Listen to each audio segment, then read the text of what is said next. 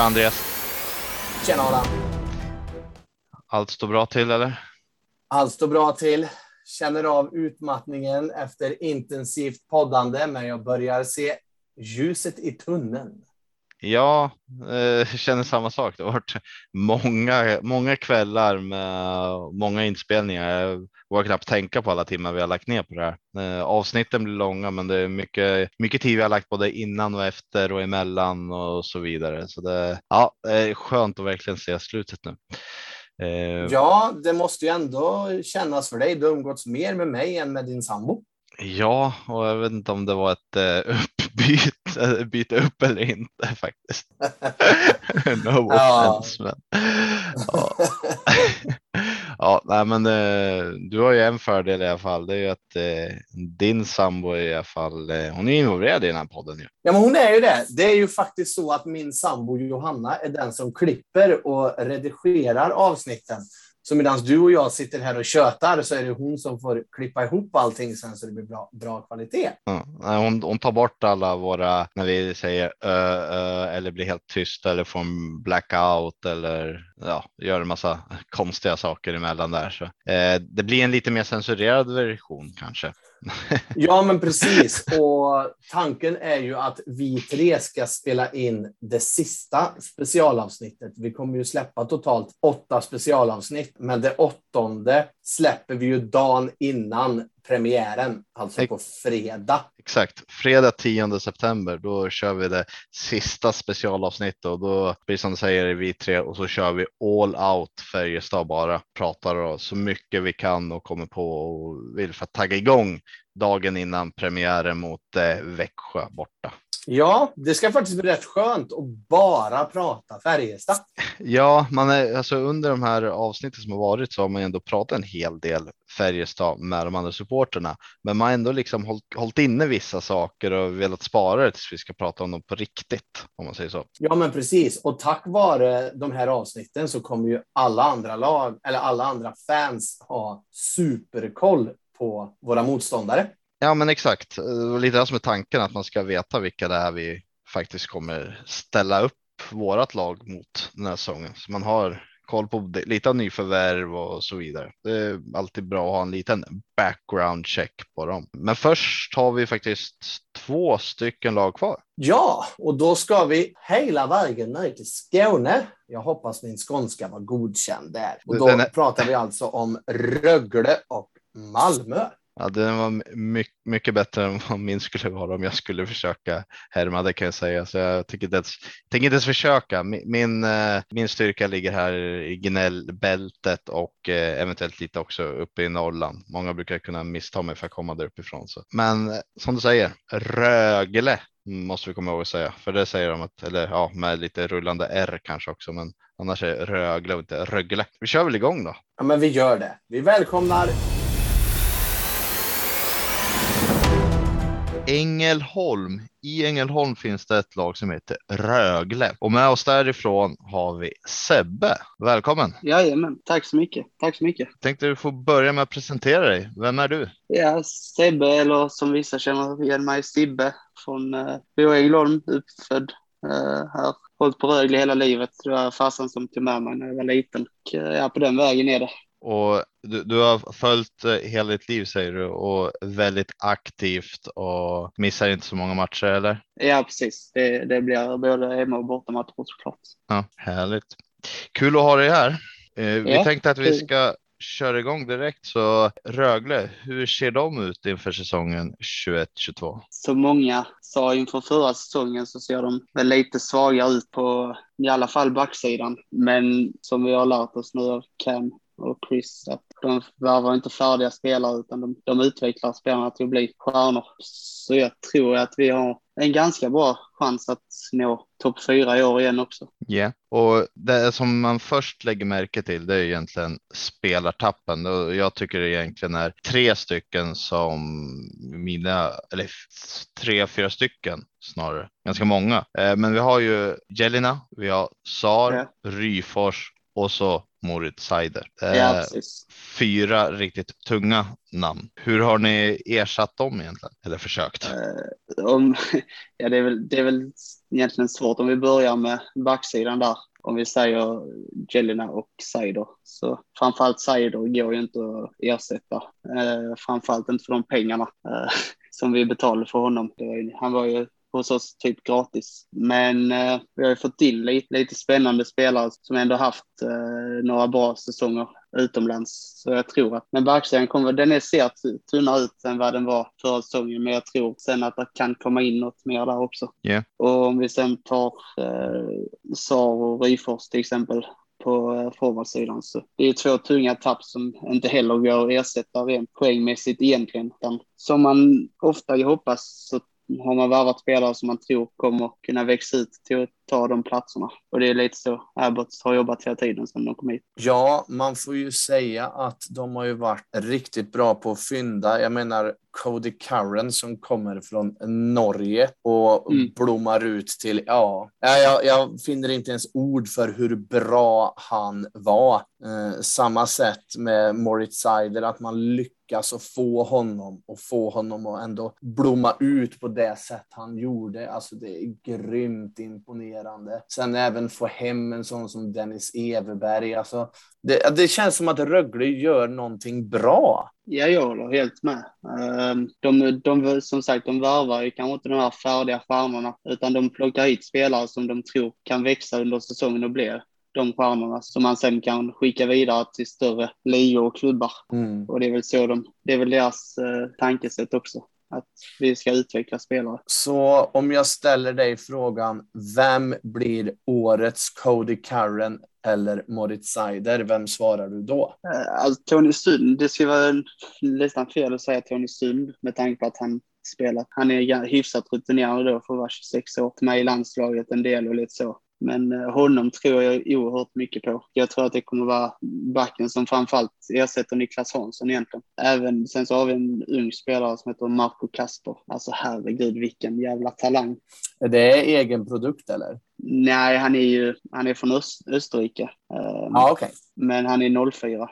Ja, då, han, då kanske han inte kommer han få spela så mycket eller kommer han få komma med som lite sjunde, kanske sjätte back vid skador eller han är inte en ordinarie. Äh, Marco Kasper är, han är forward.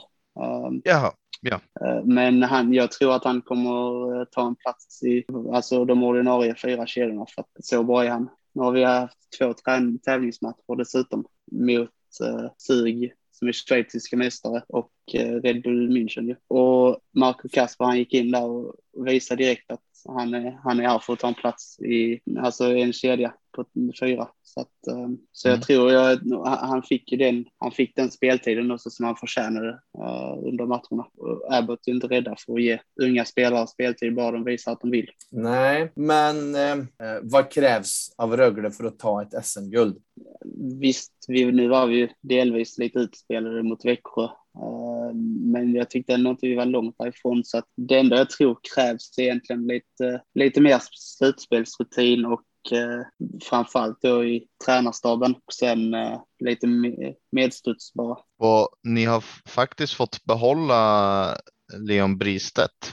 Man hade ju en liten eh, tuff säsong med covid-19 om jag minns rätt. Eh, kan det vara en bidragande orsak till att han också har tagit en säsong till? Eller vad tror du? Ja, jag trodde ju helt ärligt att de skulle sticka redan innan förra säsongen, men eh, han var väl lite smart för, sett från vårt perspektiv och valde att stanna. Sen så fick han ju det här coronaproblemen och då, blev det, då försvann ju intresset lite utomlands. Eh, och sen kände han ju också själv att det, det kändes, det var inte riktigt rätt erbjudande som kom efter förra säsongen med tanke på vilken säsong han hade haft. Så att det är ju en spelare som, där det finns enorm potential till, till att bli en, ja, en Daniel Saar typ, poängmässigt liksom. Och en, ett, eh, ja, han är egentligen inte nyförvärv, men eh, han kom ju hem i slutet av förra säsongen, Ted Brithén och skrev ju ett långt avtal till säsongen 25-26. Hur, hur mycket betyder han för Rögle? Enormt mycket. Han är ju Röglit sen, sen födseln och eh, älskar verkligen klubben och eh, att han kommer hem och skriver ett sånt avtal utan klausuler. Är ju, det visar ju det bara bekräftar det här, alltså vilket hjärta han har. Och han hade ju också en tuff säsong nere i Schweiz. Så att jag hade ju inte jättehöga förväntningar på honom när han kom hem förra säsongen. För att man hade följt honom och visste vilka problem han hade haft med corona i laget och var borta mycket från familjen och så vidare. Så att han, jag tänkte att det var en ersättare till Simon Rifors inför denna säsongen. Och det var nog så alla, alla tänkte. I, I, laget har ni också några Färjestad-bekantingar, främst då Lukas Ekståhl Jonsson och eh, för lite längre sedan då Mattias Sjögren. Kan du lite kort om de två, hur de är i dagsläget? Om vi börjar med Sjö så är han ju alltså Mattias Sjögren, så är han ju vår kapten.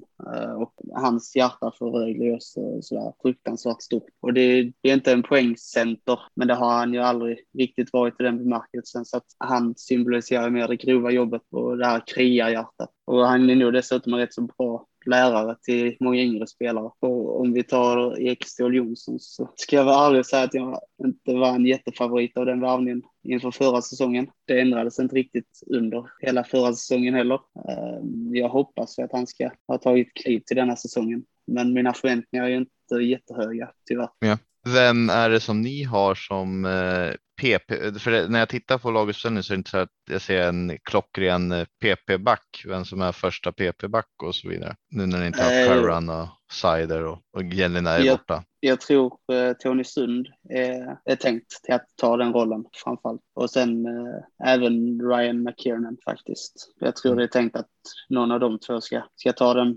positionen. Och så har vi sist men absolut inte minst eh, en värmlänning i Adam Edström som gjorde av en liten succésäsong förra säsongen.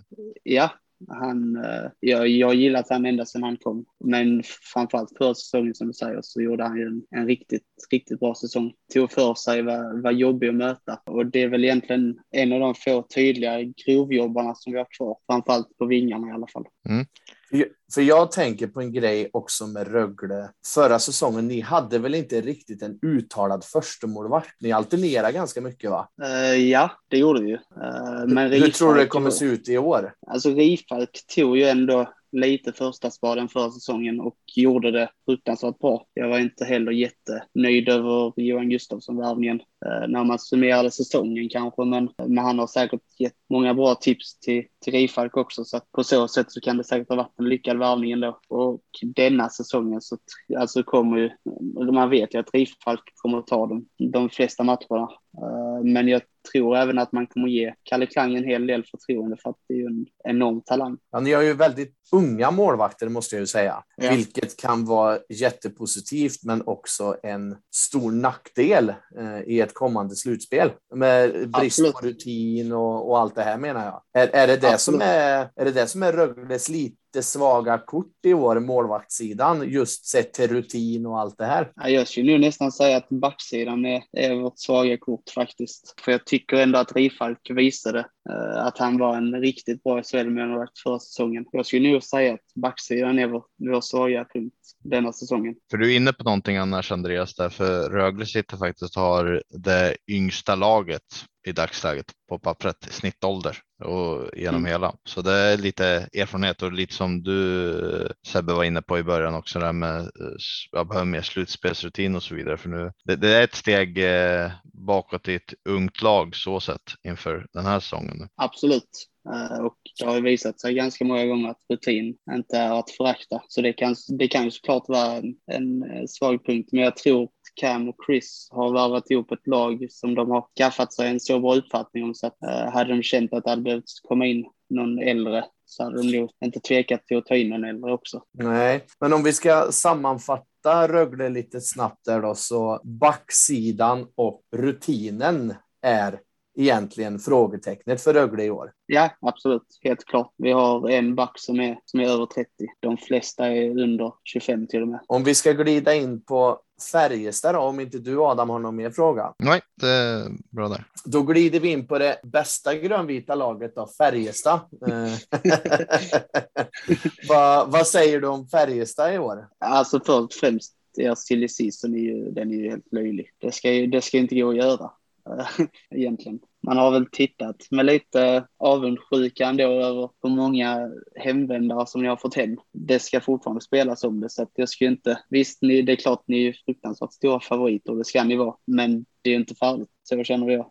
Ja, nej, men så det, du har ju helt klart en poäng där att allt ska ju spelas om. Absolut. Och går vi över till eh, erfarenhetsmässigt så finns det ju eh, jämfört med Rögle så är det en hel del med mer matcher i benen än vad Rögle har. Eh, det finns en del nu som har varit iväg och vänt utomlands och byggt på sig lite. Inte minst då eh, Delaros och Nygård och så lite KL i Wikstrand. Precis, även, även lite Linus Johansson eh, mm. har också varit iväg och vänt lite. Och, och sen har vi även några stycken, då är Delaros, Wikstrand, alltså de har ju varit med och vunnit VM-guld med Sverige.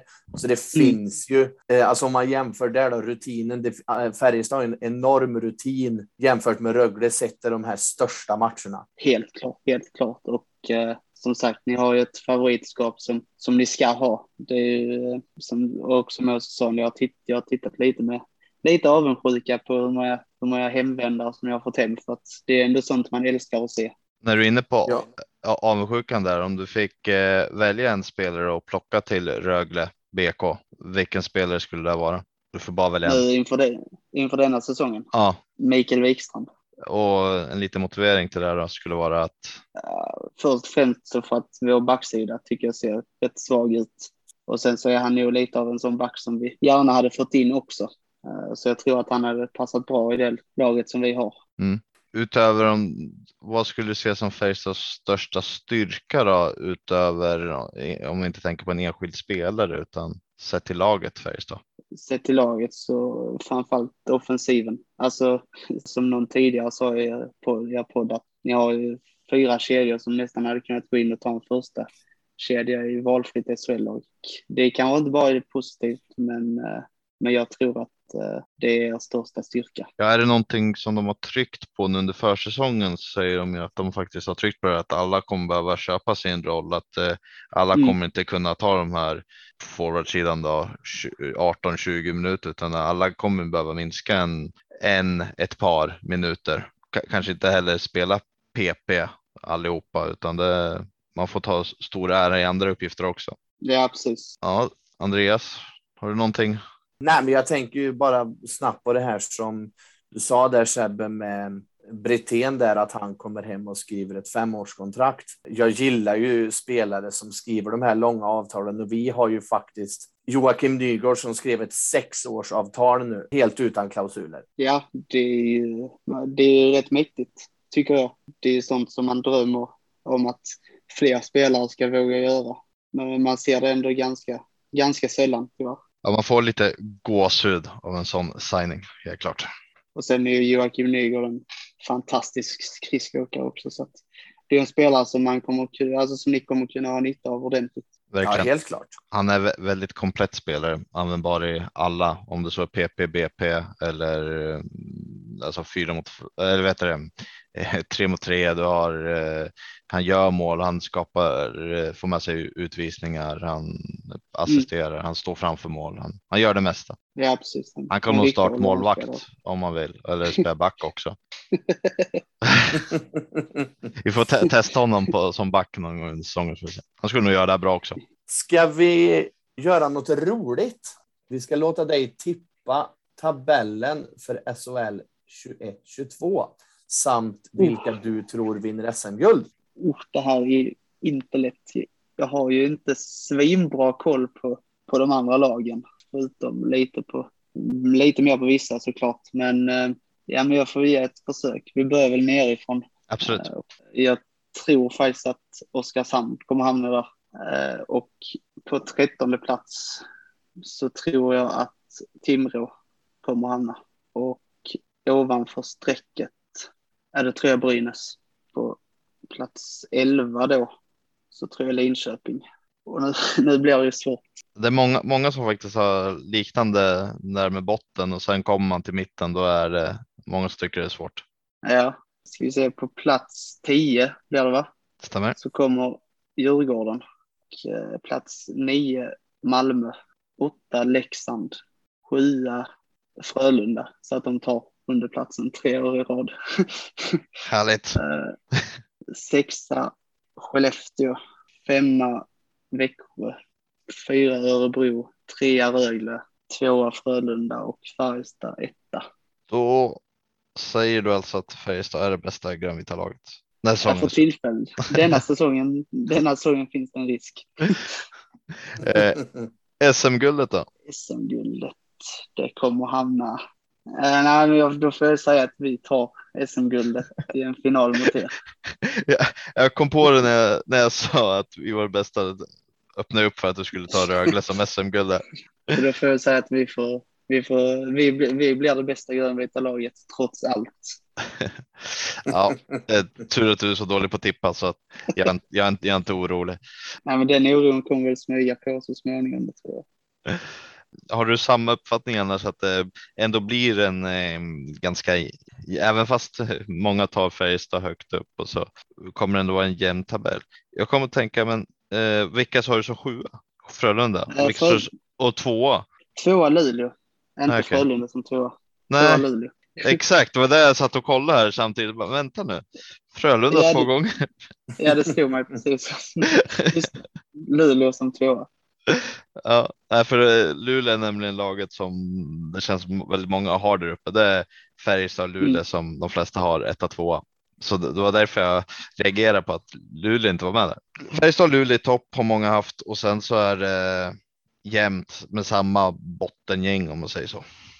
Alltså Timrå, jag har faktiskt, det är faktiskt en hel del, eh, eller några stycken som har gått från Rögle till Timrå. Eh, så de de tror jag inte behöver vara så oroliga ändå, även fast de kommer hamna där längst ner till slut. De, det var ju både Joel Joey till exempel och sen så har de ju den här Rögle-bekantingen Kristoffer Liljevall. Så att jag tror att de, eh, de, kommer, de kommer hamna på gränsen till kvalet, men ändå på fel sida av gränsen. Ja, de sen, sen, tycker jag det är svårt också med det här. Brynäs har nya tränare från Finland. LOC har nya tränare. Alltså, det, det kommer bli svårt att placera dem. För man vet ju liksom inte mycket om deras filosofier. Alltså Nej. Frölunda vet man vad de kör. Växjö vet man vad de kör. Abbots vet man vilken filosofi de har. Så det är de här lagen som har nya men, tränare. Ja, men Skellefteå har Robert Olsson. Eh, det, ja, alltså, visst, han har varit i Djurgården, men det är ett helt nytt lag och eh, Skellefteå är nog ganska hårt präntat med hur de spelar, även fast han kommer få komma och säga sitt. Sen har du Djurgården med pensionären som kommer in. Eh, mm. Ja, precis. Han riktigt gamla.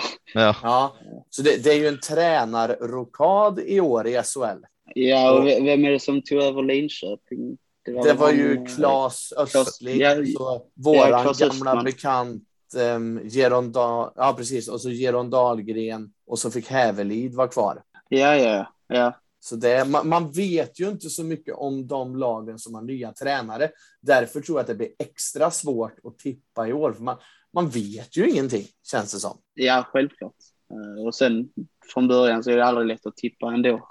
Jag tänkte en liten fråga om Rögle en till här. Det var egentligen ja. hur, hur har det känts nu senaste egentligen två åren då när ni har varit ett, eh, ja, ett topplag eh, från att ha varit ett bottenlag och även innan dess då varit i Hockeyallsvenskan? Alltså, man har ju lite stått och kliat sig i huvudet och bara vad fan hände här? det känns som att det gick lite för fort för att det skulle vara sant. Men nu har man ju lite, man har lite vant sig vid att det är toppen vi är nu. Så att då, då, då accepterar man ingenting som är lägre än toppen, vilket kanske kan uh, göra en ganska besviken en vacker dag. Uh, men, uh, men som det så känns just nu så, så finns det inga, ingenting som tyder på att vi skulle falla igen. Känner lite att kraven kanske har ökat då? Verkligen, verkligen. Va, vad skulle du säga är en acceptabel placering för Rögle den här säsongen då? Med tanke på spelartappen vi ändå har och eh, att vi inte, precis som vi nästan aldrig gör, tar in färdiga stjärnor så ska jag ändå säga att topp sex så är jag nöjd. Och eh, jag vet att Andreas gillar den här frågan lite kring tränarna, hur pass säkert de sitter. Eh, och i det här fallet är det lite speciellt med både sportchef och tränare som är bröder så sätt så det ska väl mycket till så sätt, men var skulle ni behöva hamna i tabellen för att ena eller båda Abbots försvinner? Tror du? Ja, då ska vi hamna, alltså jag tror, mm, alltså absolut de sista två platserna så, så kanske det börjar snackas lite om, är det dags att byta dem? Men när allt är över det så tror jag att, eh, tror att de kommer sitta rätt säkert. Så vi kan summera att de sitter ganska stensäkert? Ja, det tror jag. Jag tror att de kommer vara här så länge de vill. Det kommer inte vara frågan om att de blir eh, av med sina jobb, utan det kommer vara så länge de vill, tror jag. Roligt att få ha dig med, Sebbe. Ja, det var kul att få vara med. Så får vi hoppas att vi får resa till Rögle under säsongen. Ja, det, vi får hoppas att det blir lite bortasupportrar och sånt också. Så vi ska ju till, till München nu på fredag. Ja, just det. COL där ja. Jajamän. Trevligt, trevligt. Ska, ska du åka dit själv också eller är det, tänker du bara laget? Nej, vi är, ett, vi är ett gäng på, ja, alltså, ja, vi ska dit. Vi är ett gäng mm. på typ 30 pers som ska ner där. Det är det. Roligt. Så det kommer bli kul. Lite eh, oktoberfest höll jag på att säga, men det är lite tidigt. Det är lite tidigt. Ja. ja, men du, trevlig resa och eh, må Tack. det bästa grönvita laget vinna. Absolut. Ni, ni får ha det så bra. Ja, det... Detsamma. Och vi fortsätter nere i söder och med oss har vi Malmö-supporten Jesper Hultman. Välkommen! Tack så mycket. Välkommen. Ja. Är allt bra med dig? Hur bra som helst. Vecka kvar till hockeyn börjar alltså. Ja, nu snackar vi verkligen en nedräkning här. Måste säga att det var väldigt svårt att hitta Malmö-supporter. Jag är väldigt glad att vi hittade dig. Ja, jag är själv lite chockad. Vi har rätt många som är aktiva både på Twitter och Facebook och liknande. Så jag blev lite chockad när ni inte hittade någon, men det är självklart att man ställer upp. Ja, nej, men det är jätteroligt. Kul. Eh, vi kör väl igång direkt här och eh, du får berätta lite om dig själv. Eh, Jesper Hultman, 29 år gammal, född och uppvuxen i Malmö. Har följt Malmö sedan barnsben. Tidiga åldern inte så jätte in på med att man kollar text-tv och så var de låg. Men sen runt 28-29 så blev det brinnande intresse och sen efter det så har man åkt land och rike runt och följt Malmö. Har varit i Karlstad x antal gånger med blandade känslor.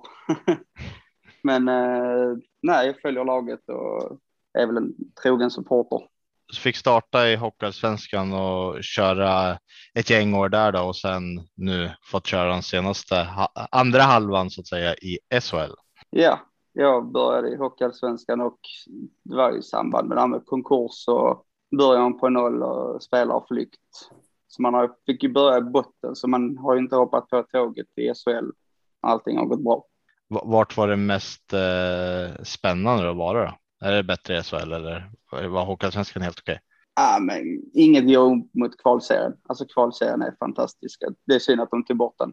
Den var helt underbar. Alltså när man kunde få ett lag som snubblade in i kvalserien från Hockeyallsvenskan och sen bara körde över alla lag som Rögle gjorde något år. Alltså det är just den här grejen när SHL-lagen kom ner till kvalserien och trodde att de skulle bara kunna promenera, promenera igenom den och stanna uppe och sen fick de ett brutalt uppvaknande. Det, inget kommer slå kvalserien. Så du skulle alltså hålla kvalserien högre än om ni vann SM-guld tror du? Alltså den är svår att svara på i och med att vi har ju aldrig varit riktigt nära där. Malmö har ju aldrig känt som det laget som folk har tippat etta, tvåa eller ska gå till final. Vi har ju aldrig haft den kalibern. Därför har ju kvalserien varit mer, där var vi det laget som var tippade etta, tvåa och man förväntar sig mer. Här blir man ju mer glad om vi skulle gå till en final så hade jag ju sett det som en stor grej för oss. Man vill ju självklart vinna, men jag hade ju sett final som en stor grej för vår förening med tanke på var vi är i hierarkin i svensk hockey just nu. Men det är väl lite så här eh, oavsett om det är en match eller ett slutspel eller vad som helst.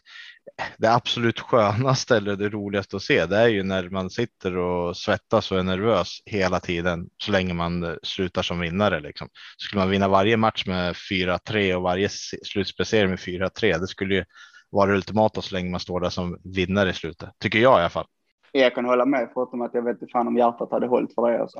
Nej, det är ju det. Nej, jag, är, Jag, jag är också inne lite på det. Jag tror, jag tror inte pumpen hade klarat av det helt ärligt. Nej, jag tror, alltså jag kommer bara ihåg alltså, bara förra säsongen när matcherna när, innan vi blev klara att vi skulle stanna, alltså de tajta matcherna vi hade nådd mot Färjestad, ja, alltså där vi avgör på straffar, men det är ju så sjukt nervös. man sitter på spänn hela matchen. Alltså det är kul just den matchen, men sen så blir det en sån urladdning. Så att nej, sju matcher så i, i hela, genom hela slutspelet, nej, det tror jag fan inte jag hade klarat alltså. Jag är, jag är helt på din linje där. Men om vi ska glida in på Malmö då. Malmö Redhawks, det är ju lite intressant för nu går ni in, eh, ni går in på år två med Joakim Fagervall. Vad skulle du säga är skillnaden på Malmö med Joakim Fagervall och Peter Andersson? Det är väl nog att man, Peter Andersson var mycket hårdare. Alltså som man har läst i media och man har märkt att om en spelare gjorde en, en dålig prestation på matchen, då fick han inte spela mer. Alltså det är bara att kolla som Marcus Sylvegård som kommer tillbaka till klubben nu. Jag tror inte Marcus Sylvegård hade kommit tillbaka om Peter Andersson hade varit tillbaka till exempel. För att Marcus Sylvegård kunde göra ett mål, men så missade han en backcheck och så var det inte spela mer. Jag tror Fagervall är lite mjukare i ledarstilen där. Som förra säsongen, Fagervall står upp för sina spelare och tar skiten. Ställer sig i rampljuset. Peter Andersson var inte samma tränare där enligt mig. Han var fantastisk, gjorde mycket för föreningen, men jag tror att Fagervall är lite mjukare och vill spela lite mer rolig hockey än Peter Anderssons defensivt inriktade hockey. Låter som en lite modernare, både kanske coach men även ledare. Då. Ja, jag skulle säga det. För att eh, som sagt, det som jag var väldigt imponerad av förra säsongen var att när allting stod, alla kritiker kom och klagade på spelare och det var ju total hatstorm i media, så stod jag Fagervall där och bara tog all skiten. Han skickade aldrig fram någon spelare eller någon assisterande tränare, så han stod vid förlusten och tog skiten. Jag tror det gjorde nog mycket för gruppen förra året. Ja, och till i år har ni ju verkligen spetsat till det också. Ni har ju enligt mig eh, kanske SHLs vassaste målvaktspar. Ni har fått hem Carl Söderberg, ni har fått hem Sylvegård, en spelare som bara det egna laget kan älska. Ja, lite så. Båda, båda Sylvegårdarna är ju så. Och sen så har vi den, den värvningen som jag tycker är mest spännande. Det är ju backen eh, Joakim Ryan som vars lite halvt given i Carolina förra året som var ett av de bäst defensiva lagen i NHL. Han är fortfarande ung, han kan fortfarande utvecklas. Jag tror han kan vara given för både landslag och var nu en av de bästa backarna i serien enligt mig. Ja, jag håller bara med för jag blev också lite förvånad när det stod klart att han skulle komma. Eh, jag tror han kommer vara helt klart en av de bättre backarna. Ja, jag tror inte att han kommer vara den som spottar in poäng och så, men jag tror han kommer vara, han är skridskostark, vad jag har läst och vad jag har kollat klipp och man har kollat lite matcher i efterhand där han har spelat och att det är en klok back som har bra passningssinne och är bra på rören. Jag tror det är viktigt för Malmö att vi får lite rörliga backar som han, Carl-Johan eh, Lerby. Alltså, så vi får lite mer rörlighet för Oliver Lauritsen är en bra back att ha, men han är ju slö. Alltså det är, det går att åka runt honom rätt fort, men han är ändå viktig för att ha i de lägena när ett lag ligger och pressar på med en minut kvar så har du Oliver Lauritsen framför mål. Du flyttar inte på honom. Nej, men fick ni behålla Helge Grans? Nej, han eh, signade mitt i sommaren för eh, LA Kings, så det var då de, vi plockade in eh, Moldén från eh, Västerås. Ganska tunga skridskor och axlar känner jag bara spontant. Ja, det, det var en ung kille som hade lite svårt att få speltid, men när han väl spelade så var ju, han är väldigt skridskostark, Helge. Det enda som är positivt är ju att Moldén är också högerskytt som Helge var. Och Moldén kan ju stå i powerplay och skjuta puckar, precis som Helge kunde. Är, är, känns det inte lite surt för han lämnade ändå, alltså Helge Granstad, lite väl tidigt på ett sätt. Känns som han aldrig hann riktigt eh, ta det där sista steget min personliga åsikt är att han skulle varit kvar ett år till. Mm. När han väl började få speltid och vi fick in en ny eh, andra tränare som är erkänt att han är bättre med yngre spelare och kanske fått den utvecklingen som vi alla hoppades på att han skulle få. Ja, för jag tänker bara, han är ju 02 och om vi tar paralleller till våran Albert Johansson som faktiskt är 01 eh, och eh, stannar den här säsongen. Så det är ju som att Helge skulle ha stannat två säsonger till för att jämföra. Jag kan, tänk, jag kan tänka mig lite det att som du säger Albert Johansson, han har ju mycket större roll att se. Han känns ju mer given i Färjestads backuppsättning än vad Helge Grans gjorde. Han hade väl inte den tydliga rollen. Det var väl mer, han hamnade ju lite som extra back och långt ner och kanske bara spelar powerplay. Och då, han kanske blir lovad en större roll däröver. Vi vet inte. Och Patrick Hersley som ni värvade förra säsongen, det blev inte den frälsaren och återkomsten som alla hoppades på riktigt va? Nej, men han, han passar inte in i vårt spel, sätt att spela för för vi hade ju inte den spelskickligheten. Hade du satt Patrick Hersley i Färjestad, sett han i, som förra året, Rögle, Luleå, som hade bra powerplay. Eh, HV71 hade ett bra powerplay. Hade du sett han där med ett spelskickligt powerplay där han bara kunde stå på blå och fokusera på sitt så tror jag det blir bättre för att han är inte någon spelskicklig back. Han är ingen snabb back, men han har ett skott som är nog ett av de hårdaste i SHL. På forward... Ja, det har han definitivt.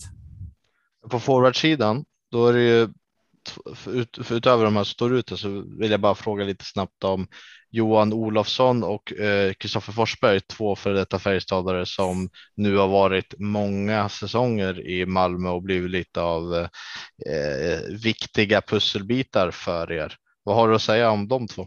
De är extremt viktiga. Alltså Forsbergs svit bröts ju nu sommar, men innan dess från Malmö gick upp i SHL så var han petad första matchen. Efter det så hade han inte missat en match. Inte försäsong, CHL, SHL, inget. Och Forsberg är en sån spelare som jag tror alla SHL-lag vill ha i sin fjärdelina. Han åker skridskor hela tiden. Han är nyttig i boxplay. Han är rivig. Han vinner dueller i offensiv zon. Olofsson är likadan, bara att Olofsson har lite mer näsa för målet. Med de två i en fjärde kedja med Bryggman då som är tung. Jag rankar den som topp tre fjärde kedjan i hela SHL för att det är ingen kedja du vill möta när de kommer rusandes mot en. Nej, det, två av dem känner jag ju verkligen igen från Färjestad-tiden. Och Kristoffer Forsberg, var det inte närmare 400 matcher som han körde i en streak? Jag tror det var något sånt. Jag har dålig koll på den statistiken. Det Johan Svensson har ju betydligt bättre koll på den. Ja, jag vet att det var ett par hundra i alla fall. Ja, men det var ju som sagt från säsongen vi gick upp 2015. Ja, säsongen, säsongen 15-16 då gjorde han 50 matcher och sen har han gjort i grundserien då, och sen har han gjort 52 matcher fem raka säsonger efter det. Plus sen slutspel och CHL och så vidare som han spelat. Det är imponerande. Det är, det är mycket imponerande och han är som sagt, för mig så är det, jag är inte förvånad att han är, vad heter det nu, kapten, ja, vice kapten, assisterande kapten, för att han, han är en sån spelare, jag tror inte han har gjort en enda dålig match för Malmö. inför den här säsongen så har ju eh, era Sylvegård senior, det vill säga sportchefen, eh, har ju gått ut och sagt att ni ska ha en utökad budget.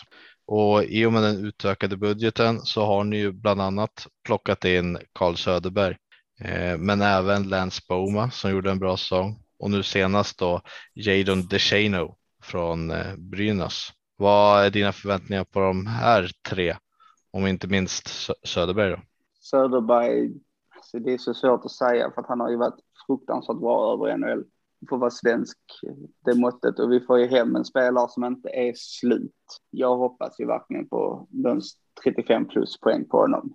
Uh, Lance Boma känns ju som en rivig forward som han har inte problem att stå och skita ner sig framför mål. Han kan nog sprätta in en och annan puck eller ta någon assist och sen kan han vara tyngden i kedjan. Om det nu blir den första kedjan som de har tänkt sig. Och sen om du kollar genom DeShano så jag har alltid gillat honom i Brynäs. Första säsongen var väl lite mellanmjölk, men så är det för nästan alla transatlanter. Andra säsongen så ser man att han har farten, han har kylan i frilägena, han är också typiskt nordamerikansk. Det, det gör ont att möta honom samtidigt som att han har lite finess i sig. Lite det vi har saknat de senaste säsongerna. Ingen, inga riktiga målskyttar. Jag tror första kedjan kan nog leverera bra med poäng i år. Vad har du för förväntningar då på laget i helhet? Någonstans sitter jag väl drömmer om topp 6. realistiskt mål enligt mig är väl sjätte, sjunde plats med de förbättringarna av laget vi har gjort. Jag tycker att med målvaktssidan med Marmelind som har gjort fenomenalt i Hockeyallsvenskan förra året och gjort en riktigt bra försäsong så får egentligen Alsenfelt den utmanaren på bänken som han har behövt. Det har han aldrig haft i SHL. Bolden var aldrig där. Nilstorp är en fruktansvärt bra slutspelsmålvakt, men han var, är, har ju aldrig varit bra under grundspelen och han var ju inte det riktigt den Nilstorp som var i Färjestad till exempel när han kom hem till Malmö. Nej, för han har blivit målvaktstränare nu för er, va? Jajamän. Uh, vi blev av med vår målvaktstränare till Brynäs som, som var medias säger vad jag tror också var en handplockning av Peter Andersson innan han fick sparken. Och sen ja, så tog de in Kristoffer Stortberg. Ja, nej, men för det där kan jag tycka är lite intressant att eh, bara för något år sedan så var Nilstorp och Alsenfelt konkurrenter och nu ska han lära ut till Alsenfelt och han var ju ändå tvåa bakom honom. Kan det bli lite så att ja, men du var tvåa bakom mig, vad ska du lära mig? Nej, det tror jag inte för att kollar man i intervjuer och sånt när de stod som konkurrenter så gick ju Oskar ut och sa att det här var första säsongen som han kände att det inte var en fiende som han hade som kompanjon i målet, utan de har ju varit vänner sedan många år tillbaka. De tycker om varandra. Sen ska det ju funka självklart. Det är första målvaktstränarjobbet för Nilstorp, men jag tror kemimässigt så är det nog inga bekymmer. Jag tror inte, jag tror inte det kommer vara några bekymmer alls. Det jag är mest intresserad med målvaktssidan det är att se Marmelind hur han klarar sig i SHL. Ja, ja han har gjort en helt okej okay försäsong va? Ja, Växjö-matchen försäsongen hade vi inte haft Marmelind i målet där så hade vi förlorat den matchen. Han stod på huvudet den matchen. Han gjorde en riktigt bra säsong i Hockeyallsvenskan så ja, om man som sagt fortsätter han nu där han har hållit på och visat upp nu hela tiden så får det bli tufft för Alsenfelt för första gången på någonsin kanske. Ja, första gången som jag kom tillbaka från Malmö så blev det nog svårt att hålla sin första spaden för att spela Marmelin som han gjorde i Hockeyallsvenskan så kan Oskar få en rejäl match där och jag tror det kan vara bra för Oskar också för då blir det inte att han har på axlarna att han måste spela alla matcherna. För jag kan tänka mig att det har nog varit lite för honom att när vålden har stött så har det inte gått lika bra och det har blivit mer press på honom. Eh, ni, och Malmö är lite speciell eller lite svåra kan jag tycka för att grejen med dem är ju att ni landade nionde plats och nionde plats och så innan det har ni varit sjätte och sjätte plats. Ni är där i mitten någonstans. Du själv säger med en liten förhoppning där runt sjätte, sjunde plats. Eh, och om man kollar på Malmö förra året så efter årsskiftet ungefär så var ni ju på topp sex plats. Så, eh, och då på pappret så känns det som att ni faktiskt har förstärkt laget ganska kraftigt mot hur det såg ut förra säsongen. Ja, men det tycker jag. Det, alltså bara backsidan har ju blivit från att vara mycket tunga pjäser till mycket mer rörligt. Forwardsidan har vi fått in betydligt mer spets än vad vi hade förra året. Alltså förra året så utan Westerholm och Sylvegård formationen så hade vi kvalat. Då hade det varit vi mot HV eller Brynäs i botten. Alltså det, de bar oss. Vi hade ingen riktig första lina. Eh, transatlanterna gjorde väl ingen jättesuccé som Sylvegård plockade in. I år känns det, jag tycker det känns mer hoppfullt i år. Jag tycker det känns spännande med spelare som lite late bloomer som Kalle Östman tog vi från Djurgården. Duktig powerplay-spelare för vettiga pengar. Jag tror, jag tror vi kan, han kan nog överraska rätt mycket och göra en del assistpoäng i powerplay. Ja, för om vi ska glida in på lite eh, tidigare folk som har tippat tabell och grejer och du säger det själv också. Det är många som tippar Malmö mellan eh, sexa och eh, åtta. Och det är ju självklart förbättring mot vad det har varit innan. Och då tänker jag på, med, med de kraven så ökar ju även pressen. Hur säkert sitter egentligen tränarna om det börjar blåsa lite? De sitter säkert. Det är, det är bara att kolla förra säsongen. Alltså hade inte Fagervall suttit säkert och haft 100% förtroende från spelare och ledning så hade han ju fått sparken innan årsskiftet. Det, det är fortfarande andra säsongen för honom och nu är det rätt många spelare som kommer in. Nu ska detta sitta. Alltså jag tror, skulle han försvinna så skulle det vara i slutet av säsongen att de tittar på något annat under säsongen. Jag tror mycket ska till om han ska få sparken under säsongen. Eh, om vi ska glida in på våran förening då, Färjestad. Vad har du att säga om Färjestad? Först och främst vill jag veta vilken bank ni har rånat. det, det, det är lite där, det, det känns lite eh, Malmö, Malmö IF eh, på 80-talet. Värvningskarusell utan dess like. Det kallas klubbhjärta. ja, jo. jag, jag har fortfarande svårt att se. Alltså det är många hemvändare och det tycker jag är imponerande. Men det är nog rätt bra löner på många av spelarna som kom in i år. Men det är imponerande att man lyckas få hem så många. Eh, och ni har ett väldigt starkt lag på pappret. Men det jag säger, om ni inte löser det så kan det gå åt helvete. Det är målvaktsfrågan. Haukeland är en bra målvakt, men han är ingen SM-guldsvinnarmålvakt. Det är flera som har varit där och tänkt till att det är målvakten som är den svaga. Målvakterna eller försvarsspelet. Och vi har väl varit inne på det lite att eh, om försvarsspelet kommer upp så kan Haukeland ändå vara en fullgod eh, målvakt för ett slutspel. Men vi har inte riktigt kunnat testa det där. Vi mötte ju Växjö förra eh, året då, efter att vi hade slagit ut ett visst eh, lag där innan. Jag kommer inte ihåg vilka det var. Kanske du kommer ihåg Jesper? ja, jo. Ja. det, det, är ingen minne vi bara dra upp. Ja, äh, men eh, så mm, det, det, är ju bakåt som ja, alla är lite frågesättande om man säger så. Då. Ja, nej, men så är det för att forwards, alltså hade man bara kollat på anfallare och skulle tippa det ut det, hade ni inte vunnit då så hade det varit skandal. Och tyvärr lite så får ni ju den grejen nu att om ni inte vinner i år så tror jag Pennerborg försvinner. För att nu har han fått, känns som att han har fått rätt många chanser, men just försvarsspelet känns som att det har varit en röd tråd genom åren. Han har fått, fått försvar, svårt, svårt att få försvarsspelet att stämma. För att framåt så har ni alltid levererat massvis med poäng. Ni har varit högt upp i powerplay-ligan, men vissa säsonger har ni läckt som såll bakåt. Ja, och de har väl pratat väldigt mycket om det på våran försäsong också, att nu är det dags att skruva till defensiven och det är det de har jobbat lite med i träningsmatcherna också, just det defensiva, att det ska, att det ska sätta sig, för det, det är dags nu liksom. Föreningen pratar ju om om topplaceringar och SM-final och då måste man ju skruva till en defensiv för framåt är det ju som du säger, alltså det finns kvalitet. Eh, personligen, jag har sagt det tidigare i podden att våra tre första kedjor skulle kunna gå rätt in i landslaget.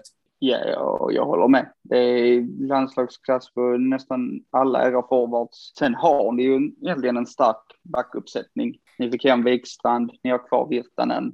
Albert Johansson är ju otrolig talang jag är en lite så små favorit av Ginning. Jag gillar hans spelstil. Jag gillar, jag har alltid gillat honom. Det var ju snack om att han, Malmö var på honom när Färjestad tog honom och ja, blev lite besviken att han gick till Färjestad, men så är det ju. Men ni har Jens Westin som också är en sån som alltid kommer till jobbet. Det, ni har egentligen en gedigen backuppsättning, men jag är sån, jag tycker att Haukeland, det högsta han har spelat i SHL, det är ju Timrå. Eller när han lämnade innan, när de gick upp det var Leksand han spelade men han har aldrig varit en sån, jag ser inte han som en matchvinnarmålvakt. Jag ser inte han som en sån som kan stå på huvudet som Alsenfelt, Dahl Lindvall i Skellefteå. Eh, alltså den riktigt, Wallstedt och Lassinantti i Luleå. Alltså det är ingen sån målvakt. Hade ni fått in en, en matchvinnarmålvakt, en riktig sån som kan stå på huvudet när backarna har en dålig dag, då är ni guldkandidater alla dagar i veckan. Om du fick mm. välja en spelare från Färjestad och värva över till Malmö. Någon skulle passa in där. Eh, vem skulle du vilja ha då? Då, då säger jag av lite sentimentalt skäl Wiksten. Han var otroligt älskad när han var i föreningen och högerskytt som kan spotta in mål. Det är, det är den spelet, spelaren vi har saknat lite sedan han lämnade faktiskt. Han var ju hos er 13-14 va? Ja, och han vann interna målligan då. Det var inte förvånande att han följde, alltså gick till Örebro när Malmö inte gick upp. Och sen förra säsongen så visar han ju vilket målsinne han har. Ja, han fick verkligen en eh, explosionsartad eh, säsong, helt klart. Ja, det känns ju lite tråkigt att stå och säga Nygård eller Marcus Nilsson och Lindqvist för att det känns som att det är de de flesta valt. Men jag, jag har alltid gillat Wiksten. Som sagt, han kan göra mål och det, det är det vi behöver. Ja, han vann ju. En kille som kan. Han vann ju målligan så det är helt rätt. Det är en som kan göra mål. Mm. Jag, jag kan bara, en liten dröm är ju alltså, så, om man fick plocka honom och så plocka en extra spelare in så. Alltså drömmen hade ju varit att få hem Pääjärvi och så sätta han med Söderberg och Wiksten. Det tror jag hade varit en kedja som hade, oh, det hade kittlat bra. Ja, jag tänkte bara att eh, glida in på det. Du snackade om eran fjärde kedja. Eh, då måste jag bara nämna våran fjärde kedja med Martin Johansson, Karl Jakobsson och Pontus Widerström. Jag håller nog den också som topp tre i Sverige eh, bland fjärdekedjorna, för det var ju långa stunder förra året som de bar vårat lag på sina axlar. De bara gick in och tokkörde och satte fast pucken i offensiv zon och ah, det, var, det var en fröjd för ögat att se. Ja, men så är det. Det är, det är duktiga spelare och Widerström tog ett steg extra när han lämnade Skellefteå och gick till Färjestad. Han fick, ja, han spelade en fjärde kedja men han fick förtroende och man märkte på honom att det var självförtroende. Det är en spelare som är OM. Alltså det, han har ju inga bekymmer att ställa sig framför mål, han har inga bekymmer att köra ner i runden och smälla på ordentligt. Det är, det är en häftig spelare. Martin Johansson är en sån som också, han kommer till jobbet varje dag. Alltså där är, du vet vad du får av honom. Det är inget flashigt, det är inget jätteså. Han drar inte tre backar sätter, tre, två backar och sätter dem i krysset, utan han, han är där och gör sitt jobb. Och Karl Jakobsen är ju också en duktig, slitig spelare. Det är precis så som man vill ha en fjärde kedja. Ja, nej, jag håller med. Då har vi snackat lite Malmö, vi har snackat lite Färjestad och vi har berömt våra fjärde kedjor. Nu är det dags att tippa tabell. Den sista tabellen i dessa specialavsnitt. Är du redo? Ja. Eh, varsågod, du får välja själv om du kör uppifrån eller ner. Ja, men då börjar jag från botten. Och där tar vi Färjestad sist. Nej, skojar. uh, nej, sist så tror jag faktiskt Brynäs. De med lite, där har jag faktiskt en liten formulering att det är turbulens i klubben. Jag tycker inte värvningarna ser jätteimponerande ut. Jag tror det blir svårt för dem i år. Att få ihop det med ny tränare och just allt runt omkring klubben med alla polisanmälningar och liknande. Så de kommer sist. Eh, trettonde plats tror jag Timrå.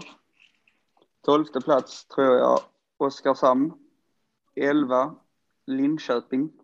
Första play-in-platsen kommer Djurgården ta. Även nu efter att Sörensen har blivit klar. Det är tack vare han de ja. inte åker ur. Mm, nej, men jag, även om Söderberg kommer in så tycker inte jag de har, de har förlorat nästan hela sin backuppsättning. Och de har inte ersatt det med några jättestjärnor. Eller några jättetunga pjäser om man jämför med vad som försvann. Så jag tror Djurgården blir en mellan, plus att de blir av med sin tränare inför år och tar in en lite ifrågasatt tränare. Det, Robert Olsson var ju lite den som blödde och pumpade Djurgården. Nu är det inte samma tränare längre. Så jag, jag tror inte de är så starka i år. På nionde plats så tror jag faktiskt att vi har, ja faktiskt Frölunda. Oj! Jag, ja, ja, nej, jag, jag är heller samma sak. Jag tycker inte de har, backuppsättningen är inte bra, målvaktssidan är inte jättebra. Det är forwardsen OK, men de här jämna matcherna med till exempel Rögle, Malmö, Färjestad. Om du inte har backarna och målvakten så kvittar det hur många mål du har framåt om du släpper in för många bakåt. Det var nog den lägsta. Jag tror, några har tippat, eller han tippat dem på en åttonde plats, eh, men ingen har tagit dem ner så lågt som en nionde. Eh, det gör ingenting om du har rätt där. Eh, åttonde, Leksand. Jättesvårt för dem att hävda sig utan Rivik och Cehlarik. jag ser inte det hända. De bar den föreningen förra året. Det, det händer inte att de är lika bra som de var förra året. Eh, sjua tänker jag Örebro. Sexa Malmö. Femma har vi Luleå. Fyra tror jag vi har Skellefteå. De har en stabil defensiv, men de har förlorat nästan all poängkraft framåt. Men så länge de har målvakten som Lindvall och den norrländska defensiven så tror jag att de håller sig där. Trea tar vi, jag missat Timrå, eller hur? Nej, de är på trettonde. Trettonde, ja. Nej. Det är trea tror jag Luleå. Nej, det hade du, de hade du femma. Det är Vä- det fel? ja, det är Växjö, Ah, Färjestad Växjö, förlåt. och Rögle Växjö, eh, Rögle trea. Rögle är ett sånt lag du aldrig kan räkna bort fast de har förlorat Moritz Seider. De förlorade Niklas Hansson, Jelina. Och sen var det på forwardsidan både Saar och vem var det mer de tappade? Det var en forward till som gick. Ja, Ryfors. Ryfors. Men samtidigt så är det Abbott kan du aldrig räkna ut. För att han, han lyckas hämta spelare. Vem trodde till exempel att Cody Curran skulle göra något stort i SHL? Alltså han, han hittar dem. Moritz Seider hittar han också från ingenstans. Jag tror de kan, de är, det är ett tufft lag att möta, vare sig de har stjärnorna på pappret eller inte. Så länge de har Abbott som styr så är de alltid farliga. Gör ont i eh, Skånehjärtat att tippa Rögle före Malmö. det är klart det gör det, men någonstans måste man vara realistisk. Jag kan inte sitta här och bara säga att vi, vi, vi är bättre än Rögle. Vi kommer att slå Rögle alla matcherna. För det, det, det tror jag inte på för att någonstans måste jag se på pappret vad som finns i lagen och Rögle har ett starkare papper, alltså lag på pappret än vad Malmö har. Och sen så sätter jag Färjestad tvåa och det baserar jag just på att målvaktssidan och backsidan kunde varit lite starkare. Och jag sätter Växjö som etta. Till största delen Sam Hallam. Han lyckas få lagen med minst stjärnor ibland och glänsa. Som förra året hade ju inte Växjö de, de största stjärnorna. Om man kollar slutspelet så var det tredje linan med Holmberg och Mackan Sylvegård i spetsen i den kedjan som bar det laget. Och vem trodde det? Jag tror Växjö, målvaktsfrågan var det stora och där fick de in en bra målvakt som jag tror kommer hävda sig bra. Så jag tror, jag tror Växjö vinner i år. Ja, du tror du att de tar guldet också eller? Det beror sig helt på vem de får i slutspelet.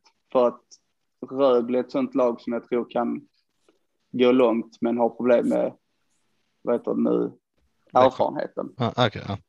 Ja, men jag tror tabellen så kommer Färjestad komma två, men jag tror Färjestad kniper guldet för jag tror att under säsongen så kommer er sportchef plocka in en målvakt som gör att skålen tippar över. Men det är ju det att fram tills den målvakten är där så tror jag inte ni kommer vinna tabellen. Men jag tror Färjestad tar guldet.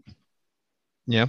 Intressant ändå med Växjö där, för det är inte så många som har haft eh, Växjö så högt upp. Det var Växjö själva, eh, eller Växjö supporter Petra som tippade eh, sitt egna lag som etta. I övrigt har han legat där någonstans i, i mitten egentligen av tabellen. Varierat från fjärde till sjunde eller något sånt där känns som. Nej, men sen är det också Sam Hallam och deras sportchef. De lyckas alltid hitta de där värvningarna som ingen annan gör. Alltså om du slår på värvningar han har gjort och så slut på alla i SHL så se hur många fel han har haft jämfört med hur många som har varit klockrena. Så vinner nog Växjö där. De lyckas alltid hitta den där sista lilla kryddan. Ja, för någonting som vi vet så är det ju att de kommer värva in ett gäng spelare i alla fall under, Ja, ja. under säsongen. Där kommer komma in, där kommer komma in spelare och alltså KHL-klubbar de har bra kontakt med alla spelare som har varit i föreningen. De väljer ju komma tillbaka av en anledning.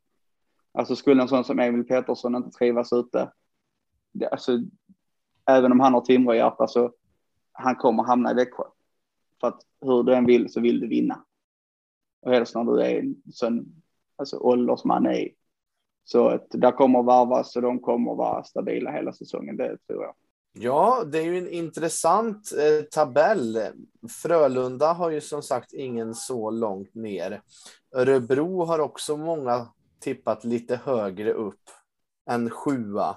Men annars är det ganska likt de andra, framförallt eh, bottenfyran där med eh, 11 till 14. Det är väldigt många som har väldigt likt. Det är väl byte på någon plats kanske, men det, det känns som att eh, Hockeysverige är överens om vilka två som får kvala.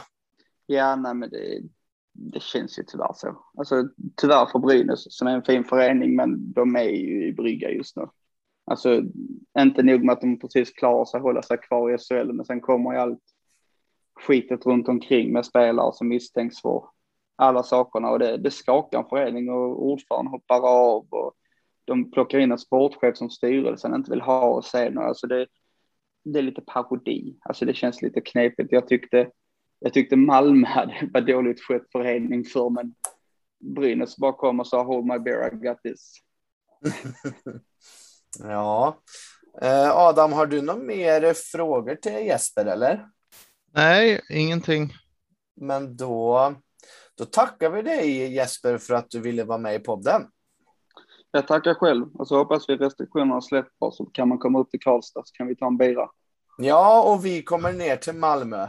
Då bjuder jag på bira då. Det är taget. Tack, tack så jättemycket för att du ville vara med. Tack själv. Ha det bra. Ha det bra. Så där, då har vi ju faktiskt gått igenom alla 13 motståndare till Färjestad BK 21-22. Hur Yes. känns det Adam? Eh, underbart. Du, vet du vad jag ska göra? Jag ska Nej. gå och öppna en riktigt fin champagne från 08 kanske. Det är bra champagne i år. Åh, trevligt. Nej, själv har man ju en vit månad, så jag får väl öppna en Ramlösa eller någonting. Ja, men det är bubbel som bubbel. Ja, det är lite så, va? Vi är värda lite bubbel, va?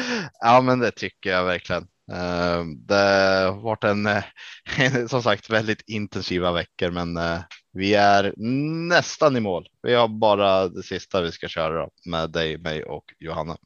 Sen så. Ja, men det har varit sjukt kul och väldigt intensivt. Det har det. Och jag hoppas framför allt att alla som lyssnar har tyckt att det varit intressant. Vi har fått väldigt mycket fin feedback på sociala medier och även du Andreas som då bor i Karlstad har väl hört mer runt folk runt omkring och jätte, jättekul att höra för det gör ju. Vi, vi spelar ju faktiskt inte in för oss för oss själva. Eh, det är inte att vi som ska lyssna på oss själva precis, utan vi spelar in det för att andra ska tycka om det och vi vill ju göra det så bra som möjligt för er som lyssnar. Ja, men absolut. Men jag vill bara tillägga där, va? Lyssnar inte du på podden? Alltså att höra sin egna röst. Ah, det är jobbigt. Jag har kontrolllyssnat någon gång, men alltså det, man sitter och ja, man skäms nästan. Det höll jag på att säga, men alltså det är jo- jobbigt att höra sig själv kan jag tycka. Ja, nej, jag har väl inte heller lyssnat på så många avsnitt kanske. Jag lyssnade på premiären för jag var så nyfiken hur det skulle bli. Men som du säger, det är speciellt att höra sin egen röst och det är ju för alla andra vi gör det här. Men jag måste säga att det är sjukt roligt och jag tror att du och jag kommer bli ett sjukt bra team framöver. Ja, men verkligen. Jag hoppas det. Det känns faktiskt som att det skulle kunna funka. Jag var ju lite skeptisk till dig och så där, men eh, nej, jag ska bara. Nej, självklart ska det bli skitbra. Det ska det. Ja, och återigen så måste jag ju bara tillägga det här. Vi hade aldrig fixat det här själva, utan vi har ju stor hjälp av Johanna som faktiskt redigerar det här och lyssnar om och om, och om igen flera gånger. Ja, men exakt. Ta bort alla våra svordomar, svordomar höll på att säga, men eh, alla, alla stamningar, alla när man tappar ordet totalt och så vidare för att det ska bli lite bättre flyt för er som lyssnar helt klart. Men Ja, det blir ju bara men- bättre och bättre för varje avsnitt så har hon ju mindre och mindre att klippa, eller hur? Ja, men eh, vi hoppas ju det i alla fall så att vi inte sitter där och blablabla. Utan det det ska flyta på mer. Yes. utan att hon ska få jobba ihjäl sig. Men eh, ja, nu har vi gått igenom hela SHL förutom våra åsikter om Färjestad. Och det får ni ju som sagt på fredag. Håll till godo så hörs vi på fredag igen. Det gör vi. Ha det gött tills dess. Ha det gott! Hej då! Hej!